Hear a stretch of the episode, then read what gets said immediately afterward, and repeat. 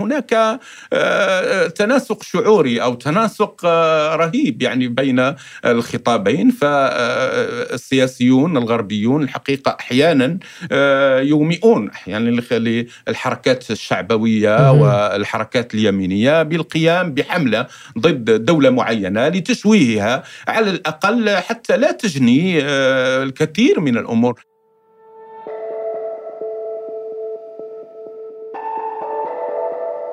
أهلا بكم. الحملة الغربية ضد قطر سياسيا واعلاميا بسبب المونديال كيف نفهمها؟ ما أسبابها؟ وهل لها علاقة بخوف الغرب من فقدان مركزيته؟ ولماذا يرفض الغرب الاعتراف بدورة الحضارة كما يعرفها العلامة ابن خلدون؟ معي في هذه الحلقة ضيف مميز سبر أغوار الدراسات الغربية والحضارية من خلال رئاسته كرسي الإيسيسكو لحوار الحضارات ومن خلال رئاسته لأول موسوعة في العالم الإسلامي ترصد الغرب وتحمل عنوان موسوعة الاستغراب. أرحب بك دكتور عزين معميش في هذه الحلقة من بعد أمس. أنا سعيد جدا لوجودي في هذا البرنامج المتميز الذي تديره باقتدار الأستاذة المتميزة والنجمة المتألقة الأستاذة خديجة بن جنة فأشكركم على هذه الدعوة. وأتمنى للمستمعين الإفادة وحسن الاستماع. أه، دكتور بين الاستشراق والاستغراب والعلاقة التي تحكم الشرق والغرب وأنت ما شاء الله عليك لك باع طويل في هذا الموضوع لأنه أشرفت على موسوعة الاستغراب.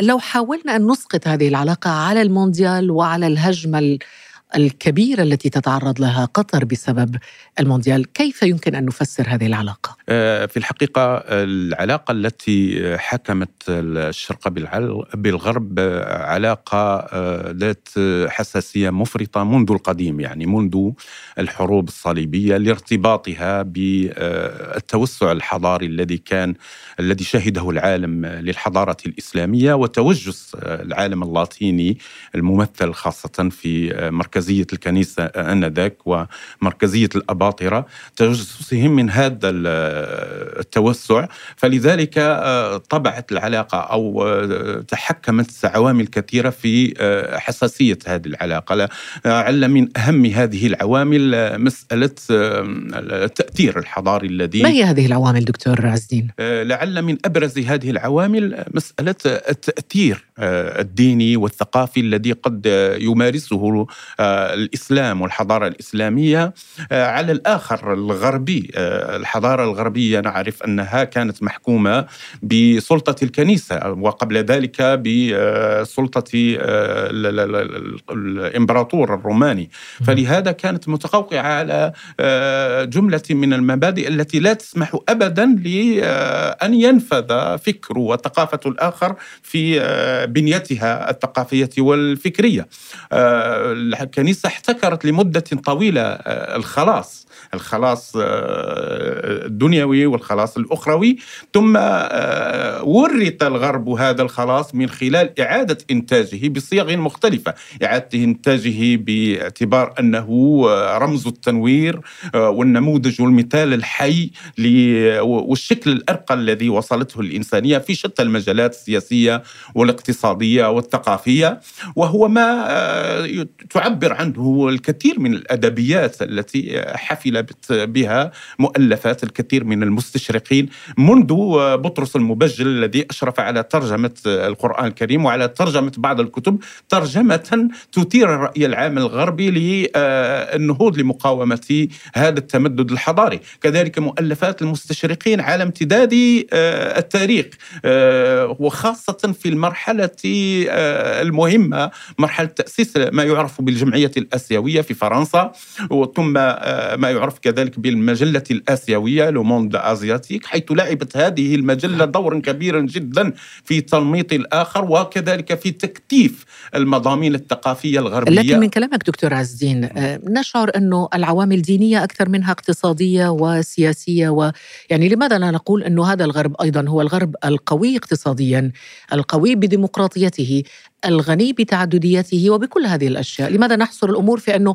لا هذه دولة مسلمة وبالتالي الغرب كله ضدها؟ سؤالك جميل جدا أستاذة خديجة حيث يشير هذا إلى البدايات الأولى. لأن عندما نتحدث عن الغرب لابد أن نتحدث عن جذوره عن تاريخه. تشكل هذا الغرب لم يكن يعني في مرحلة واحدة. حتى وإن كان ميشيل فوكو يشير إلى أن الغرب ينتمي إلى الحقبة المعاصرة حقبة الحداثة ثم ما بعد الحداثة باعتبار الهزة التاريخية التي حدثت بان الصدام الشهير بين الكنيسة ورجال العلم فأنتجت فأنتجت حضارة جديدة قامت على تقديس الإنسان وتقديس العلم والقيم والاقتصاد والسياسة آه، ومناهضة كل ما تعلق بالخطاب الكنسي المبني على الخلاص والعصمة وعلى مناهضة العلم. لكن الحقيقة عندما آه، نتعمق في دراسة الغرب نجد أن هذا العامل الديني يظهر كلما كانت آه، هناك عناصر وجودية أو عناصر حضارية أخرى تهدد هذا هذه طب الرمزية ما الذي يهدد؟ ما الذي يهدد؟ هذه الرمزية الآن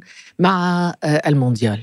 هذه الرمزية آه، تهددها ما يعرف بمساله فضح حقائق كثيرة أو كشف حقيقة بعض الحضارات للرأي العام الغربي لأن الرأي العام الغربي الحقيقة مورس عليه تنميط آه، عجيب بإثارة الصور السلبية عن الآخر إنتاج آخر يناسب الخطاب آه، آه، النموذجي الخطاب الذي يتناسب مع الإنسان الأعلى والإنسان الأرقى بحيث صور إليه الآخر على أنه همجي على أنه إبليس دائما بين قديس وبالمقابل وإبليس. بمقابل الهمجي هناك, هناك الغربي والأوروبي الأجمل والأرقى نعم. والأذكى وغير ذلك والأذكى والذي بدأت به الحضارة حيث لم يعش الإنسان الغربي الحالة البدائية التي كان يعيشها ابن الأمم الأخرى. حتى إنسان هومو الذي اكتشف أول مرة في التاريخ عندما وصل إلى أوروبا وأوروبا هي في أصلها أوربا الحقيقة آه، اكتشفت في مرحلة الحضارة وتطورت مع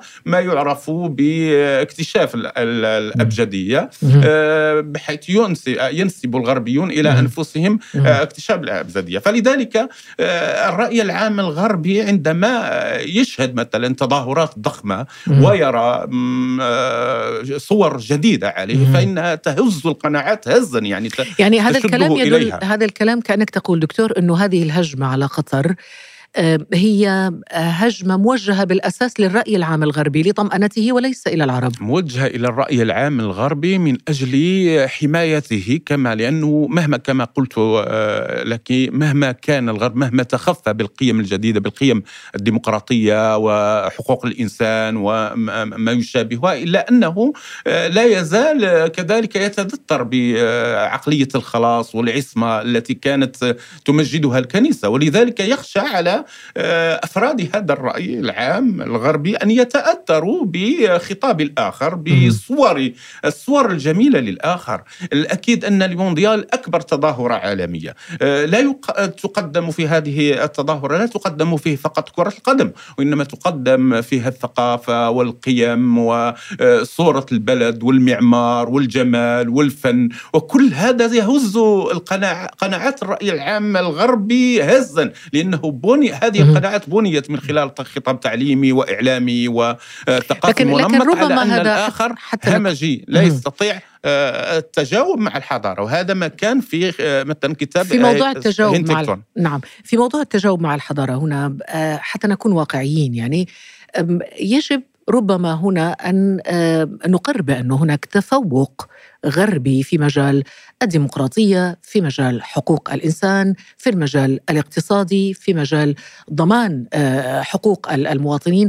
هل هذه مجرد تراها أنت مجرد يعني ترهات مثلا؟ آه، أنا لا أرجع في آه، الإجابة عن هذا السؤال إلى مفكرين عرب أو مسلمين في آه، الحكم على بس ولكن أرجع إلى مفكرين غربيين بحد في حد ماذا. يقولون؟ المفكرون الغربيون مثلا على رأسهم مثلا زكريا لوكمان اللي هو من أصل يهودي ودافيد هارفي وإدوارد سعيد الذي كان يعيش في أمريكا و...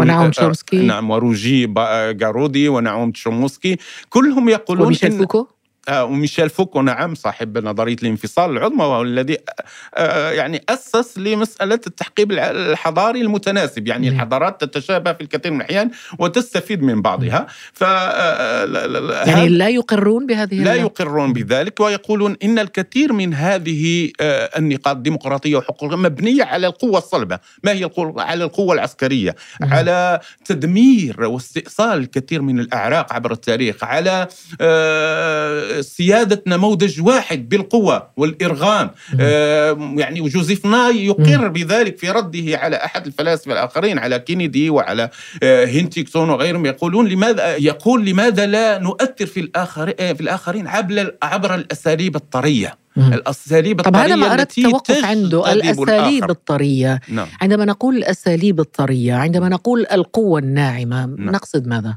نقصد بها آه، آه، إبراز القيم الحقيقية التي يمتاز بها آه، الغرب إن كانت له قيم وكذلك إبراز ما يعرف بالتسامح الذي كان الذي عاشته يعني تقريبا الحضارة الغربية في مرحلة في مرحلة مثلا سيلفستر الثاني وهو هذا البابا الذي درس في الأندلس وتشرب القيم العربية الإسلامية ولما رجع طبعا هو كان راهبا في البداية ثم وصل إلى البابوية لما آه، تلقى العلوم في آه، مدرسة الترجمة في طليطلة ورأى بأم عينه تميز هذه الحضارة واستطاعت استطاعتها أن آه، تطوع الوافد اليوناني وتقدمه يعني بطريقة علمية رائعة وترجمة نعم ولكن اليوم القوى الناعمة. نعم هذه لمحة تاريخية جميلة ولكن اليوم تفهم القوى الناعمة على, على أنها هي الأذرع غير العسكرية غير الصلبة. هي الرياضة هي الفن هي المتاحف هي اقتصاد المعرفة هي العلم هي الأخلاق وهكذا. نعم والأكيد أن آه، الغرب يعرف ذلك جيدا ولكن هذه القيم آه، ليست حكرا على الغرب فقط فلذلك يريد أن ينمذجها. يعني حتى القيم آه، العلمية والمعارف واقتصاد المعرفة وما تعلق بالجمال والفن تم احتكاره وإعادة إنتاجه. يعني في فترة فترات تاريخية متلاحقة. حتى المسيحية في حد ذاتها. المسيحية الشرقية دخلت إلى الغرب لكن أعيد إنتاجها من جديد عن طريق الإمبراطور قسطنطين ثم أعيد إنتاجها في الفرح الفترة المعاصرة بما يتناسب مع القيم الغربية بحيث آه، أصبحت القيم الدينية تتناسب على مستوى آه، قناعة الفرد الغربي مع آه، جملة من القيم المدنية المختلفة. فلهذا هذه القيم ليست حكرا في الجمال أو الفن أو كذا الأمم الأخرى هي أسبق تقريبا في هذا المجالات. يكفي مثلا في الحاضرة الإسلامية أن نذكر أن بيت الحكمة ترجم أكثر من 900 كتاب في الطب فقط. من ترجم 90 كتاب لجالينوس ومن تب... نعم ولكن أنت تعود دائما إلى الماضي. في الهندسة. ثم بعد ذلك أوصلها إلى اللغة اللاتينية. حتى الأبجدية يا أستاذة خديجة. نعم. الأبجدية يعني التي آه، الكثير من الناس يحتكمون الأبجدية اللاتينية اليوم. والحقيقة الأبجدية اكتشفت في الحضارة السومرية أولا ثم وصلت إلى الكنعانية ثم في الفينيقية وأخيرا وصلت إلى اليونانية فأخذها العرب عن اليونانية وطوروها ودخلت اللاتينية. لكن اليوم الغربيون يقولون إن الأبجدية اكتشفت في الحاضرة الغربية ولذلك آه، لابد أن نفهم الوجود نعم من خلال اللغة اللاتينية دكتور ومن خلال نعم دكتور عزين نعم. اليوم من يتسيد هو الحضارة الغربية. أكيد أنك سمعت جوزيف بوريل وهو يقول نحن الحديقة وهم الغابة. هل ما نشهده اليوم وأعود إلى الموضوع لنربط الموضوع أيضا بالمونديال. هل المونديال اليوم في قطر في لأول مرة في تاريخ المونديال منذ الثلاثينيات في دولة عربية مسلمة في الشرق الأوسط هل يعكس هذه النظرة التي عبر عنها جوزيف بوريل؟ طبعا الأكيد لأن آه، آه، التظاهرات الكبرى أو القضايا الكبرى المتعلقة بالاقتصاد والثقافة والرياضة والجمال ينبغي أن تظل حكرا تقريبا على الغرب أو أن إن كانت مثلا رحلت إلى مكان آخر غير الجغرافيا الغربية ينبغي أن تخرج بمخرجات الثقافة الغربية والقيم الغربية. فلما لم يستطع الغرب ذلك فإنه يثير أو يستعمل ايديولوجيا ايديولوجيات متطرفة. طبعا لا يستطيع الخطاب المعتدل أن يتبنى. تقصد دكتور الخطاب الشعبوي وخطاب اليمين المتطرف نعم. في الدول الغربية؟ نعم ولكن أنا أعتقد ومن خلال دراساتي الواسعة لجذور الحضارة الغربية وتمثلاتها المعاصرة أن هناك آه، تناسق شعوري أو تناسق آه، رهيب يعني بين الخطابين. فالسياسيون الغربيون الحقيقة أحيانا يومئون أحيانا للحركات الشعبوية والحركات اليمينية بالقيام بحملة ضد دولة معينة لتشويهها على الأقل حتى لا تجني الكثير من الأمور. لأنه كما يقول أرجع إلى جوزيف ناي أو كينيدي وغيرهم الذين يهتمون كذلك بالخطاب الناعم أو بالقوة الناعمة لأنه القوة الناعمة تتمثل في أمرين أساسيين في القيم الحاكمة وفي السياسات الرشيدة التي يتبناها مثلا خطاب ما. هذه استعارة استعارة نستطيع أن نقول في البلاغة الغربية استعارة جميلة والسياسيون الغربيون يستعملوها بكثرة. تقصد الحديقة والغابة؟ الحديقة والغابة نعم. مثل رواية كافكا تبع التي أشار إليها الروائي الأمريكي دافيد رابن. فالقضية مرتبطة هنا بالعقل المبرمج يعني بلا وعي بوريل وغيرهم من الذين يتكلمون. فالأكيد أنه هو محكوم بعقل وبوعي مبرمج ينظر إلى الآخر نظرة بنظرة متعالية. يعني نظرة نظرة الأستاذية. نحن نعلمكم يعني نظرة الإنسان الأرقى نظرة ذلك النموذج الذي ينبغي أن يقلد. يعني ذلك الإنسان الذي ينبغي أن يقلد. ذلك الإنسان ينبغي هو الذي يشرف على تظاهراتكم يشرف على تنظيمكم لأي شيء يشرف على صياغة ثقافتكم كي تناسب كي تناسب الواقع الجديد. هنتكتون أشار إلى ذلك في كتابه صدام الحضارات. ألم, ألم يفعل ذلك المسلمون عندما تسيدوا لقرون خلال الحضارة الإسلامية عندما كانت هي سيدة العالم؟ لكن المسلمين لم يكرهوا أحدا على اعتناق دينهم أو أنهم من يدعوا أنهم الإنسان الأرقى. هم تبنوا خطاب معين تبنوا دعوة وأرادوا أن يحملوها إلى الآخر. هذا الآخر طبعا له كل الخيارات أن يعتنق أو لا يعتنق. حتى الذين لم يعتنقوا الإسلام فإنهم بقوا من مواطن الدولة وأقروا على أراضيهم وثبتت أملاكهم وعاشوا مواطنين ولم يتم تشبيه حتى في الأندلس وهي أقرب حاضرة إسلامية آه، يعني للغرب.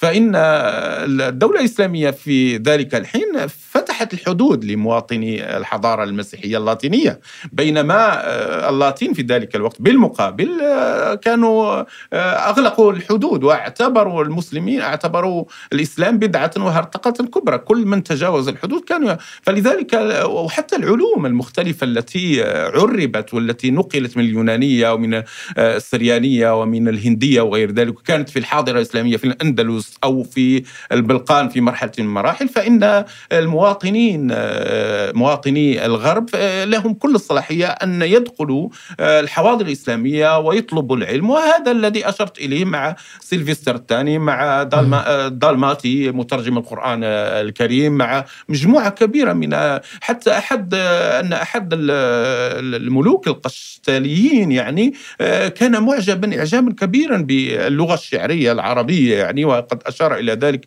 المستشرق الفرنسي الذي كان أستاذا مرموقا في إبان الاستعمار الفرنسي للجزائر في جامعة الجزائر هنري بيريس وأشار إلى أن هذا الملك كان معجب كثير بشعر كتير عزة وشعر عنترة وعبلة وهكذا وكان يعني يترب كثيرا للبلاغة الشعرية. لكن الخطاب الغربي المعاصر طبعا آه، لا يرتضي هذا هذه المشاهد التاريخية ولا يريد أن آه، لهذه الصور لا أن تبرز. لا يريد لدولة عربية مسلمة أن تبرز يعني لا يريد يعني للصور التاريخية والقيم الإسلامية أن تبرز من خلال دولة إسلامية تتبناها دولة عربية تتبناها. اليوم أو أو ربما يريد أن يرى المنطقة العربية بنظرة غربية ربما لأنه قبل أن نبدأ هذه الحلقة كنا قد تحدثنا عن اليونان التي لم تكن ابدا جزءا تاريخيا لم تكن جزءا نعم. من الحضارة الغربية أو خلينا نقول لم تكن جزءا من الغرب بالمفهوم نعم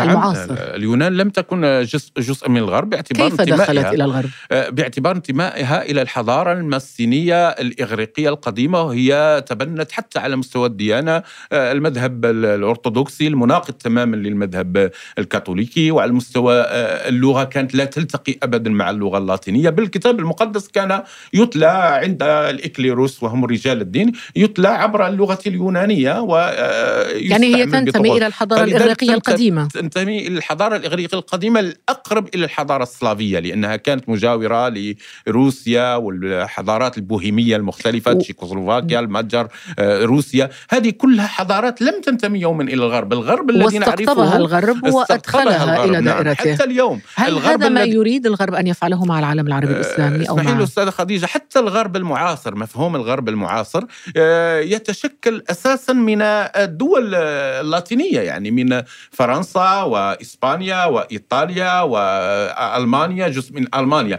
آه، اليونان وغيرها حتى وإن انتمت إلى الغرب المعاصر فإنها ولا يريد بالنظر إلى المصالح الاقتصادية. ولا نعم. يريد إدخال تركيا. نعم. ولا يريد إدخال تركيا. يريد إدخال تركيا إذا تبنت النموذج الغربي. طبعا إذا تبنت النموذج وفككت القيم الإسلامية لأنه يعتبر أن تركيا تاريخيا هي امتداد ل أليس, أليس هناك دكتور مبالغة في تفسير الأمور كلها على أساس ديني؟ لا لا لا, لا نفسر الأمور على أساس ديني. أنا أفسر الأمور على أساس حضاري. بالعكس تماما التفسير الحضاري آه، عند مصنف الحضارات الكبار من الغربيين توينبي آه، شبينغلر وكذلك ويل ديورانت وغيرهم يؤكدون هذا الأمر.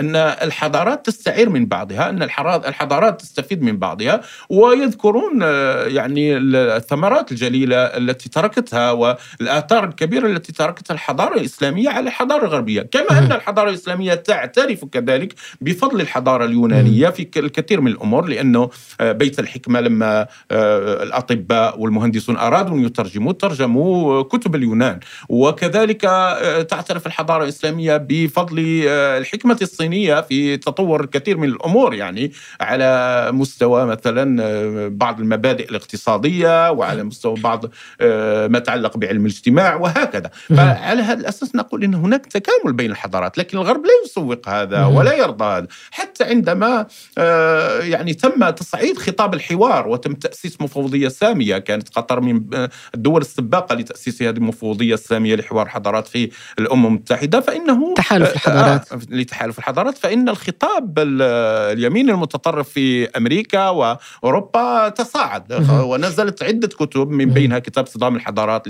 لهنتكتون ونهاية التاريخ لفوكوياما. ترى يعني وتبسط وتتهم هذا الخطاب المعتنق للحوار بالسذاجة لماذا؟ نعم. لأنه هناك انفصال آه، بين الحضارات أو تمايز. يقولون كيف يمكن الحوار بين حضارة أرقى وإنسان أرقى؟ أن يحب بل الإنسان الأرقى النموذج الجميل هو الذي آه. يسدي ويقدم آه، نصائحه وتوصياته وصياغاته للآخر. يعني ينبغي نعم أن نعم. ربما, ربما هنا أيضا تدخل عملية السباق لإدارة منظمة اليونسكو عندما دخل الدكتور حمد الكواري كمرشح لدولة قطر وهو مرشح عربي مسلم. فهل يفسر أيضا؟ يعني نعم, نعم. اهتزت أركان الغرب في ذلك الوقت. أنا كنت متتبعا باعتباري كنت أنا مدير التنوع الثقافي بمنظمة دولية منظمة العالم الإسلامي للتربية والعلوم والثقافه لإيسيسكو. كنت ممثل للجزائر وأعرف الخفايا وكواليس المنظمات الدولية. آه, آه، يعني آه أستاذنا الكبير الدكتور حمد الكواري يتقن أربعة لغات آه متشرب لثقافات عديدة متشبع بالقيم الإسلامية له إنتاج غزير على المستوى الثقافي العام. فصعود ممثل لدولة مسلمة ودولة عربية هز كيان الكيان الغربي ولذلك وظفت جهات عديدة يعني لا أقول جهات غربية فقط وإنما جهات عديدة لإفشال هذا الصعود وتم هناك يعني ما يعرف بتحالفات الكواليس وتم إسقاط هذا نعم. الترشيح طيب. نفس الأمر حدث مع كأس العالم. الصراع أو شيطان طيب الدكتور ما قلته عن اليونسكو؟ ينطبق أيضا على المونديال؟ طبعا أكيد آه، شيطنة المونديال تنظيم دولة قطر للمونديال لم يبدأ اليوم بل بدأ منذ أن أعلن عن تنظيم دولة قطر للمونديال شكل ذلك صدمة. ولأول مرة في التاريخ رأينا يعني آه، إثارة موضوعات. يعني طبعا أثيرت موضوعات كثيرة في آه، متعلقة بحقوق الإنسان متعلقة نعم. بحقوق بعض الفئات التي يسمونها أحيانا الفئات المهمشة إلى غير ذلك. لكن لم تثر إلا يعني بقوة إلا بعد آه، الإعلان عن تنظيم دولة قطر لها. ثم تصاعد هذا الخطاب في الآونة الأخيرة نظرا لأن آه، ممكن آه، دولة قطر استطاعت أن تبهر العالم من خلال الأخبار المسربة عن آه، يعني التظاهرات الكثيرة التي تصاحب المونديال عن جمالية الملاعب عن الفن الرائع عن الخطاب المعتدل الذي يرحب بالجميع وأن يتناسب طبعا مع قيم الدولة المستضيفة. فلذلك تم الشيطنة من خلال إبراز بعض الهوامش يعني قضية مثلا حقوق العمال أو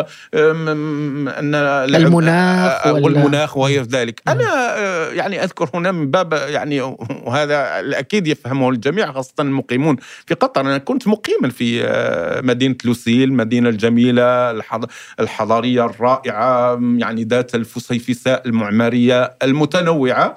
وكنت أشاهد كل مرة في فصل الصيف مثلا أن العمال لا يعملون في فترة الظهيرة يعني هذا الأمر. أه، طبعا هذه أمور يعني تحسنت باعتراف منظمات حقوق الإنسان ولكن ما زال هناك ربما جهد ما زال مطلوبا من دولة قطر في المستقبل خصوصا أنه هناك استحقاقات رياضية مقبلة الألعاب الآسيوية سنة 2030 وغير ذلك. والمسؤولون القطريون يعني طمأنوا وأكدوا أكثر من مرة أنه القوانين تحسنت في آه، مجال العمال والعمالة. آه، لكن بالنهاية نحن آه، نتحدث عن دولة تنتمي إلى عالم عربي إلى عالم عربي وإسلامي. يتسم بالجهل يتسم بالتخلف يتسم بالفقر يتسم بكل هذه الأمور التي لا يمكن أن ننكرها وهي موجودة في العالم العربي الإسلامي. الآن دولة تخرج من هذه الدائرة بقيم جديدة بمنظومة جديدة في آه، مجالات كثيرة في مجال العلم والجامعات والتعليم في مجال الرياضة في مجال الفن في مجال المتاحف في كل ما يتعلق بالقوى الناعمة والغرب يتفاجأ بظهور هذه الدولة التي دائما يصفها بأنها دولة صغيرة جدا. بالكاد تراها على الخارطة وهذا هو الخطاب المستعمل في الإعلام الغربي. هنا هل تعتقد دكتور عزين أنه يمكن فعلا كما تنبأ العلامة ابن خلدون أنه ابن خلدون أنه دورة الحضارة ستدور؟ وهل ستدور دورة الحضارة لتعيد توزيع الأدوار من جديد بين الغرب والشرق؟ أه سأجيبك أستاذة خديجة من آخر السؤال لأنه مهم جدا فما وهو ما يتعلق بالدورة الحضارية لأنه هذه أه، فكرة مهمة جدا طرحها ابن خلدون من قبل وطورها مجموعة من الأوروبيين اخذا من ابن خلدون كتوينبي وشبينجلر ثم كذلك استعملها على مستوى الأفكار وعلى مستوى الواقع المفكر الجزائري مالك بن نبي ومعنى ذلك أن الحضارة لها دورة محددة تبدأ ب كم كم عمر هذه الدورة تقريبا؟ عمرها تقريبا حسب شبينغلر 120 سنة. 120 سنة ولذلك عنده في كتابه آه، تدهور الحضارة الغربية. شبينغلر هذا ألماني تنبأ بزوال الحضارة الغربية على مدى قريب. هو الكتاب ألفه سنة 1937 وتنبأ لمجموعة من المؤشرات. لكن نحن مع ذلك لا يعني ما هي العوامل آه التي ما هي العوامل التي تساعد على زوال دورة حضارية وبداية دورة حضارية جديدة. آه، عوامل كثيرة مرتبطة بالتحدي والاستجابة ومتعلقة بالقيم المؤسسة لهذه الحضارة. فكما يقول توين بالتحدي والاستجابة يعني ممكن أن آه، تضعف خاصية أو فكرة مثلا الاستجابة للتحديات المختلفة. والغربي اليوم آه، يعني منمط وإنسان ناعم أصبح يعني مفكك قيمه تلاشت. فلذلك أصبح إنسانا سائلا كما يقول باومان وهو م. اليهودي المنتقد للغرب في كتابه الحداثة السائلة م. فلذلك هذه القيم هي التي أشرت على زوال الغرب. طبعا توين يعني زوال عندما نقول زوال الغرب يعني بروز قوة جديدة المرجح أن تكون الصين مثلا. إيه طبعا إحنا في فكرنا وفكر ابن خلدون من قبل أو فكر مالك بن نبي أو عبد الوهاب المسيري المختصين في الدورات الحضارية إنهم يتوقعون بروز حضارات جديدة سواء الحضارة الإسلامية إذا توفرت طبعا المؤشرات والقيم والعوامل عوامل النهوض لكن لكن عندما نقول لكن اسمحي لي أستاذة خديجة لكن بالنسبة للغربيين حتى شبينغلير من المنصفين منهم فإنه يقول إن الحضارة إذا زالت تتركب منها حضارة آه، ممكن تكون من جنسها وهو بالنسبة للحضارة الغربية لم يخرج عن نطاق العقل المبرمج حيث قال ستتركب عن الحضارة الغربية حضارة غربية أخرى لأن العقل الشرقي هو عقل ميتافيزيقي معنى ميتافيزيقي عقل غيبي لا يواجه التحديات يعني يركن إلى قوى أخرى تساعده بينما العقل الغربي عقل علمي تجريبي وضعي يواجه التحديات فإذا كان آه، الحضارة المبنية على الحداثة آه، نعم. ستنهار فانها ستركب حداثة طيب لكن دكتور عز الدين نلوم من؟ يعني في النهاية نلوم أنفسنا أم نلومهم هم؟ أدوات القوة لديهم هم أعضاء ولديهم في مجلس الأمن الدولي ولديهم حق الفيتو هم القوة السياسية هم القوة العسكرية هم الديمقراطية.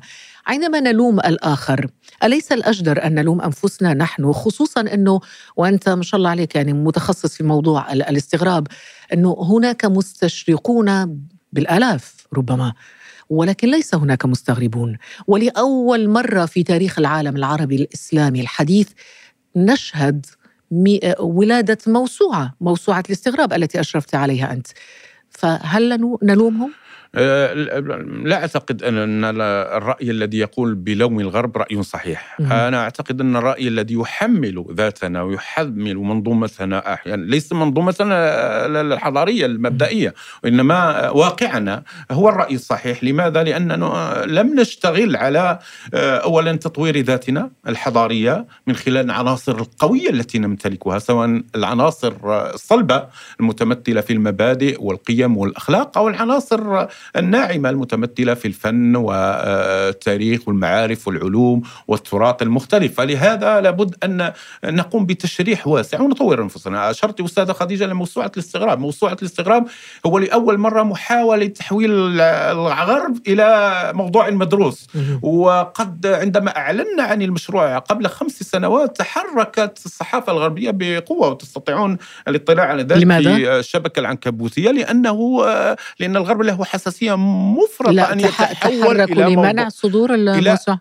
لا يعني هم كيف يعني لابناء الشرق أن يد أن يحولوا الغرب إلى مدروس إلى موضوع منفعل. فلذلك مع ان الشرق كان دائما ماده هم لا يعارضون لا يستطيعون منع قضية معرفية لكن أثاروا مسائل متعلقة بالمنهجية مسائل متعلقة بالباحثين مسائل متعلقة بالموضوعية. نعم. مع أننا أكدنا في ثلاث ورشات دولية وندوات دوليه ومؤتمر آخر كبير في بناء الأدوات أدوات دراسة الغرب على أن هذه الأدوات لا تخرج عن الموضوعيه نعم. اطلاقا وتأخذ بالمثاقفة الحضارية وتريد أن تبرز الغرب كما هو نعم. على حقيقته بإيجابياته وسلبياته وما موضوع المونديال مثلا ورد آه، الأفعال ردود الأفعال الهوجاء في الغرب إلا يعني خير مثال على نعم. أننا نريد أن نفهم لماذا هذه هذه الردود الغريبة يعني لماذا ربما آه، الموسوعة تقدم أجوبة على نعم ذلك نحن نعم. قدمنا ألف مدخل آه، في البدايات الأولى ألف مدخل يعني مواد تفكك كل مجالات نعم. الحضارة الغربية وتبرزها إبرازا موضوعيا في المعالم. والتراث والثقافة والفن والديانة نعم. والمذاهب موجودة, السياسية موجودة في المكتبات؟ نعم موجودة في المكتبات يعني وهي من, من كم جزء؟ هي في أربعة أجزاء وستكون إن شاء الله آه، تتراوح بين 20 جزءا و25 جزء أصدرنا أربعة أجزاء أولى نعم. في 2000 آه، صفحة تقريبا شارك فيها كم من شارك فيها 112 باحث من البداية من القارات الأربع.